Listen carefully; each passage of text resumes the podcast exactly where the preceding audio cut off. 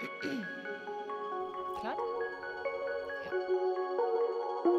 Du hører på Viten og snakkes, en podkast fra Oslo Nett. I dag skal vi ta et uh, dypdykk i en verden mange av oss ikke har så mye erfaring med. Uh, nemlig livet på en asylmottak i Norge. Uh, jeg har med meg min gode kollega Halvard i studio. Har, har, du vært på mottak noen gang? Jeg har aldri vært på mottak. Og det er dette som gjør at jeg digger jobben min, at vi har sånne eksperter som går virkelig dybden på si, fagfelt og folk og plasser i Norge som vi andre normalt ikke henger i hele tatt. Ja, Vi er veldig privilegerte der. Eh, for jeg har bare så vidt vært innom mottak selv eh, som journalist. Eh, så vi er veldig heldige som har to personer i studio i dag som vet veldig mye mer om situasjonen på norske mottak enn oss.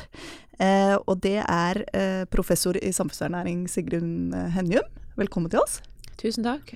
Og så er det Laura Teragni, førsteamanuensis. Velkommen til deg. Ja, takk. Til deg også.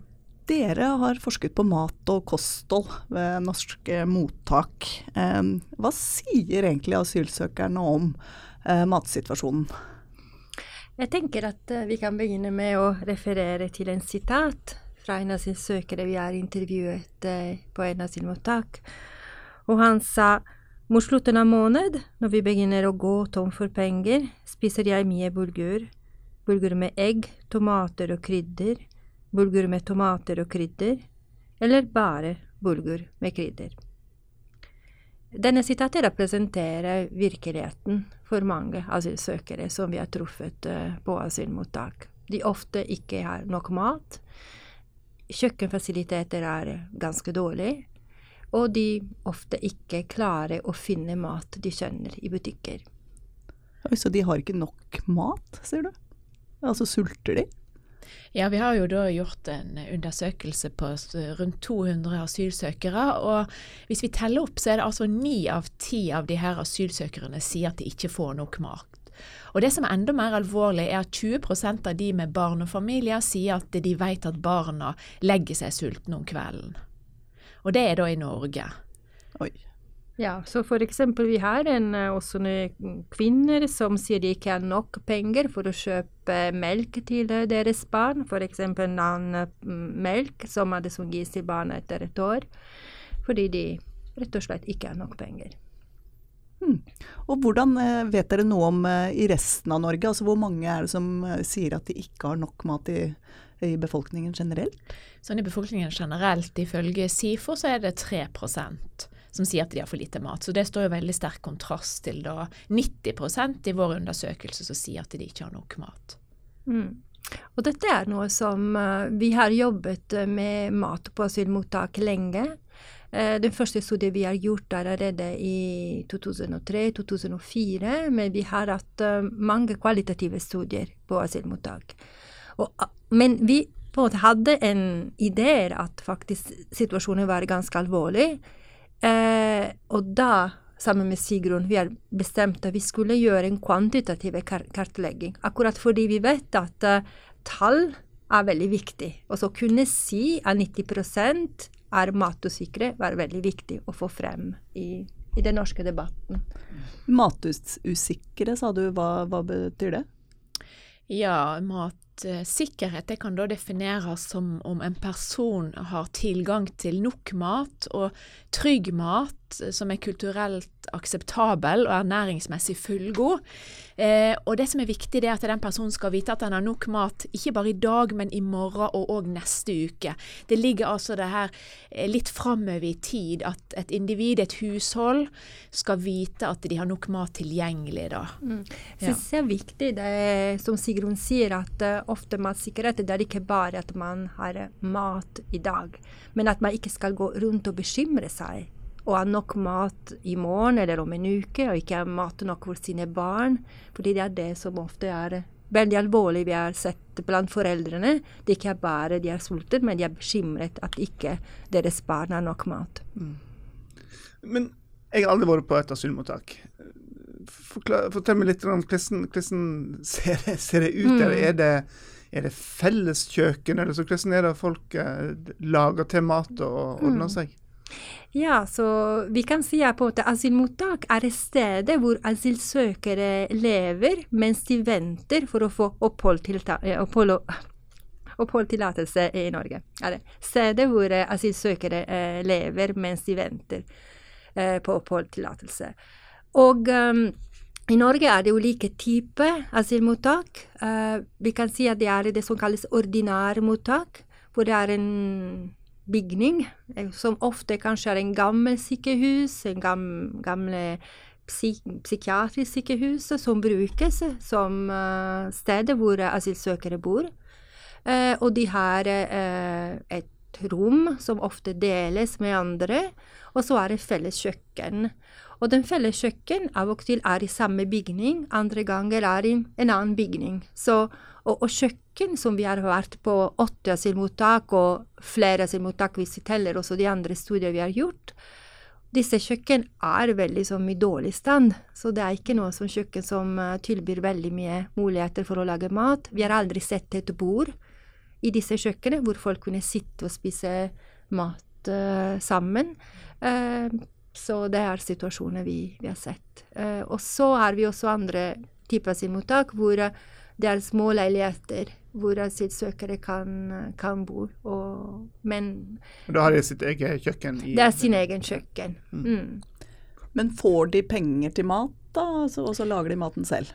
Ja, de får altså 2400 kroner av den norske stat i måneden, da, men problemet der er at det skal dekke utgifter til alle ting de trenger. sant? Så det er jo mobiltelefon, sjampo, såpe, klær.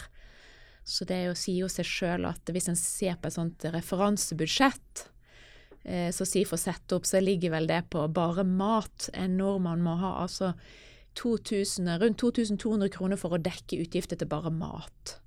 Ja, så det de sier det seg sjøl at de, de med 2400 kroner, så er det litt eh, knapt for å dekke eh, alle de utgiftene en har. Og spesielt når en har ungene i tillegg. Hva sier de selv om dette, da? Altså pengene de får og mat? Ja, det er jo en av de tingene som eh, kom tydeligst fram i undersøkelsen, og har kommet fram tidligere, da, at det er dårlig økonomi og mangel på eh, altså stramt budsjett. da. Vi har jo noen sitat som sier at eh, ost og kjøtt har vi ikke alltid råd til, for det er for dyrt. Men det viktigste er at barna får mat. Det er ikke så viktig med oss voksne. Sant? Og jeg Oi. føler at jeg spiser ris 24 timer eh, om dagen, sju ganger i uka. Sant? For ris er billig.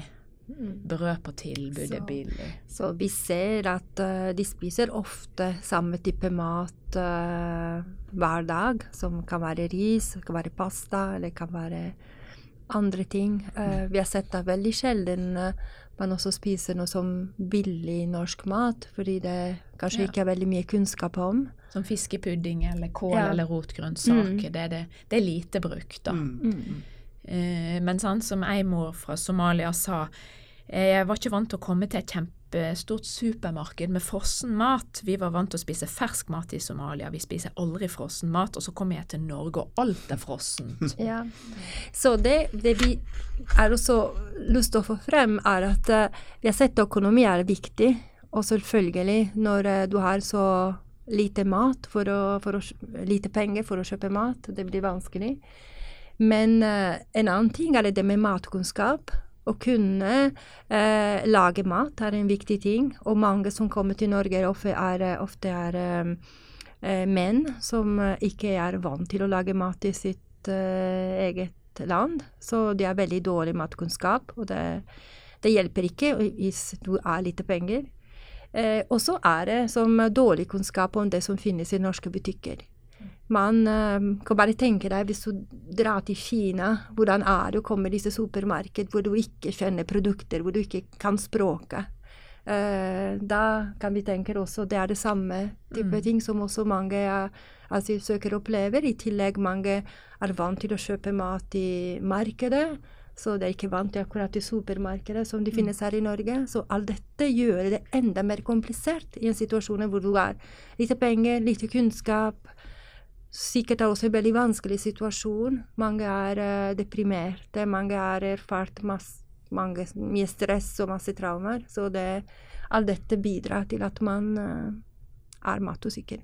Så har vi òg sett at eh, en strategi de bruker når de har dårlig råd, det er jo at de spiser færre måltider. Så i gjennomsnitt så spiste de bare to måltider om dagen. Og, og en annen ting som en ser at folk som har begrensa ressurser, gjør, det òg at de utsetter første måltid.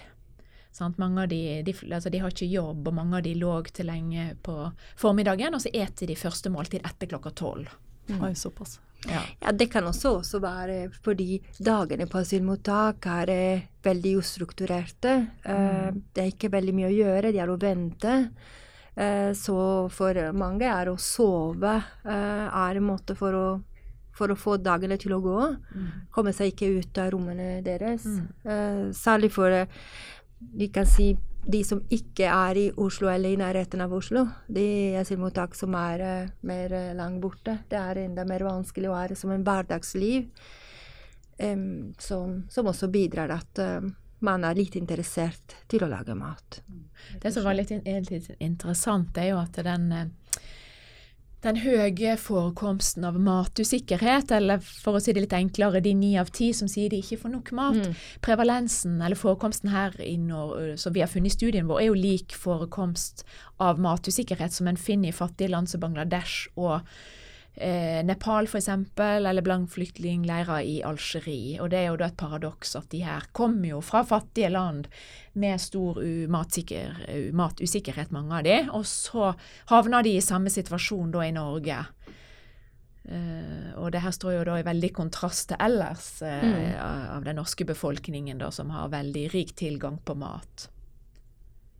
Ja, og det er også noe å, å si at uh, vi kan tenke oss at en av grunnene at man har ikke nok mat, i tillegg til at man ikke har god råd og ikke liten kunnskap, er også de sosiale relasjoner. Så vi tenker at hvis jeg har, ikke kan lage mat fordi jeg eh, er dårlig med penger, men kanskje har noe som nær meg, som har eh, inviterer meg til middag, da vil det være greit. Jeg kunne mm. kanskje klare å overleve litt. Mm. Eh, men ofte asylsøkere er veldig alene. De er ikke mange sosiale relasjoner. Ikke, og, og, de sosiale relasjonene de er ofte med folk i samme situasjon som dem. Um, og det kan vi også si at uh, vi har også sett at mange asylmottak blir stengt i løpet av de siste årene. Og det også har vært en ting som vi har ikke data akkurat om det, men vi har eh, en antakelse at det kan også ha vært noe som har bidratt til mer matusikkerheten. Fordi du må begynne helt på nytt igjen. Familier som bare eh, hadde begynt å ha noen relasjoner med lokale samfunnet, frivillige organisasjoner som, som samarbeider med asylmottak, all den erfaring blir borte når asylmottak stenges og folk sendes rundt omkring i landet. Så i løpet av vår studie vi har også truffet folk som hadde gått fra en asylmottak til en andre. Eh, fordi i, i, løpet av de måneder hvor vi gjorde våre undersøkelse, de ja, mm. asylmottak ble stengt fordi det er litt mer eh, strengt asylpolitikk i Norge. Som gjør at uh, det kommer færre asylmottak, men det betyr også uh, flere, færre asylsøkere, og det betyr også at det er færre asylmottak nå. Mm. Mm. Men hva slags ansvar har vi som, som, land her, da? For vi har jo et ansvar til å ta imot asylsøkere og behandle søknaden deres. Men, men, hva slags eh, ansvar har vi når vi kommer inn på de temaene dere snakker om om ernæring og, og helse? Ja, Norge har ratifisert konvensjonen om økonomiske, sosiale og kulturelle rettigheter, og i den konvensjonen ligger òg retten til mat og retten til helse. Så Norge da har forplikta seg på å opprettholde for sine borgere, da. Så, og det finnes også noen regler eh, som eh, UDI har eh, skrevet, som finnes i det som kalles for reglement for økonomisk ytelse til beboere i statlig mottak, som sier at situasjonen må være nøktern, men forsvarlig levekår. Så det er det som den norske staten forplikter seg til, og det har vært litt diskutert hva betyr nøktern og forsvarlig. Ja, det er noe som sier nok og forsvarlig, og det er noe som sier nok den men forsvarlig. Så det har vært en del debatten knyttet til det. Men hva tenker dere, er dette forsvarlig? Eh, den matsituasjonen dere har sett ja, nei, i forskningen jo, deres? På ingen måte. Nei. Spesielt når mm. vi ser da at Eh, det har eh, flere sider. Norge kaster jo veldig mye mat, og så er det til og med at altså voksne sulter, men til og med barn, og hele 20% av de som har barn, sier at de opplever at de har ikke nok mat å gi til barna. Det er ganske alvorlig. Mm. Sånn skal det ikke være i Norge. Nei, og vi akkurat også tenker eh, hva mange av disse har opplevd før, og de tror de har kommet til en situasjon som er bedre, mm. og så og må oppleve disse levekår på asylmottak. Ja, og jeg og Laura har jo ofte snakka om at eh, mm. det her med hvordan vi tar imot mm, asylsøkere og eh, flyktninger, hva vi tilbyr de å spise, sier jo litt om kulturen her, om vi er vennlig innstilt eh, til de, eller om vi helst ikke vil ha de her. Hvis de, vi gir de så lite mat at de nesten ikke kan overleve, så er det på en måte ikke et tegn på at de er velkommen, på ja. at vi på en måte anerkjenner deres situasjon. De har jo rett til å søke asyl. Så. Men tror du det som er grunnen til at det så lite penger, og så at, at folk svelter, at det er en politisk vilje mot å skremme vekk folk? Det, det, er klart det er en balanse, og det er en stor debatt, ikke bare i Norge.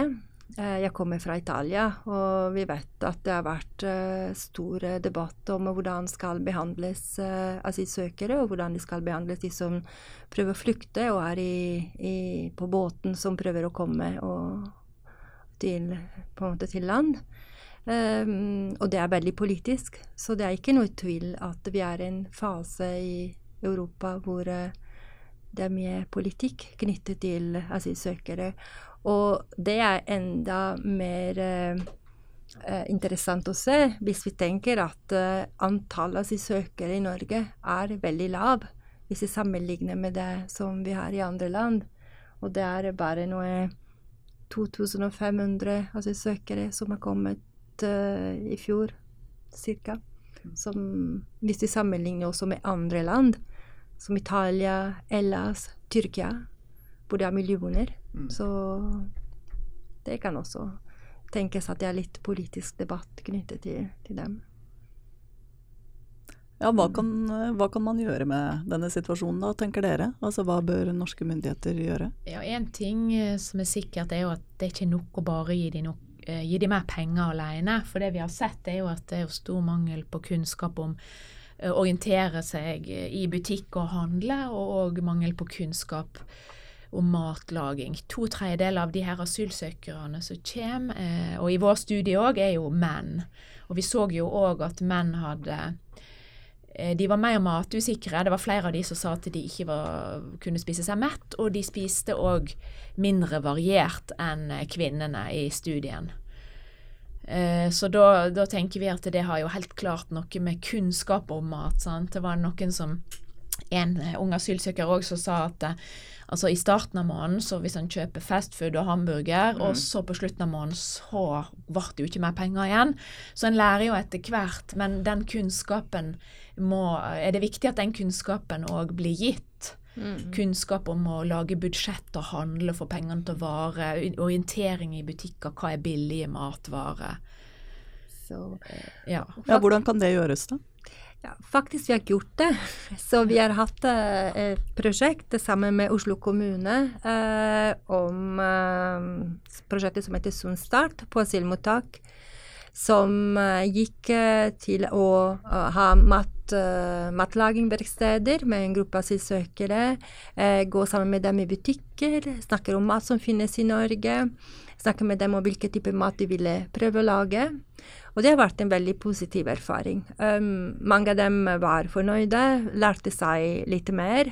Uh, var veldig interessert til å lære, og det er det som vi syns var veldig veldig givende også for oss, fordi det var veldig, veldig mange fine kvelder som vi hadde på disse, den skolen hvor vi hadde matlagingsverksted.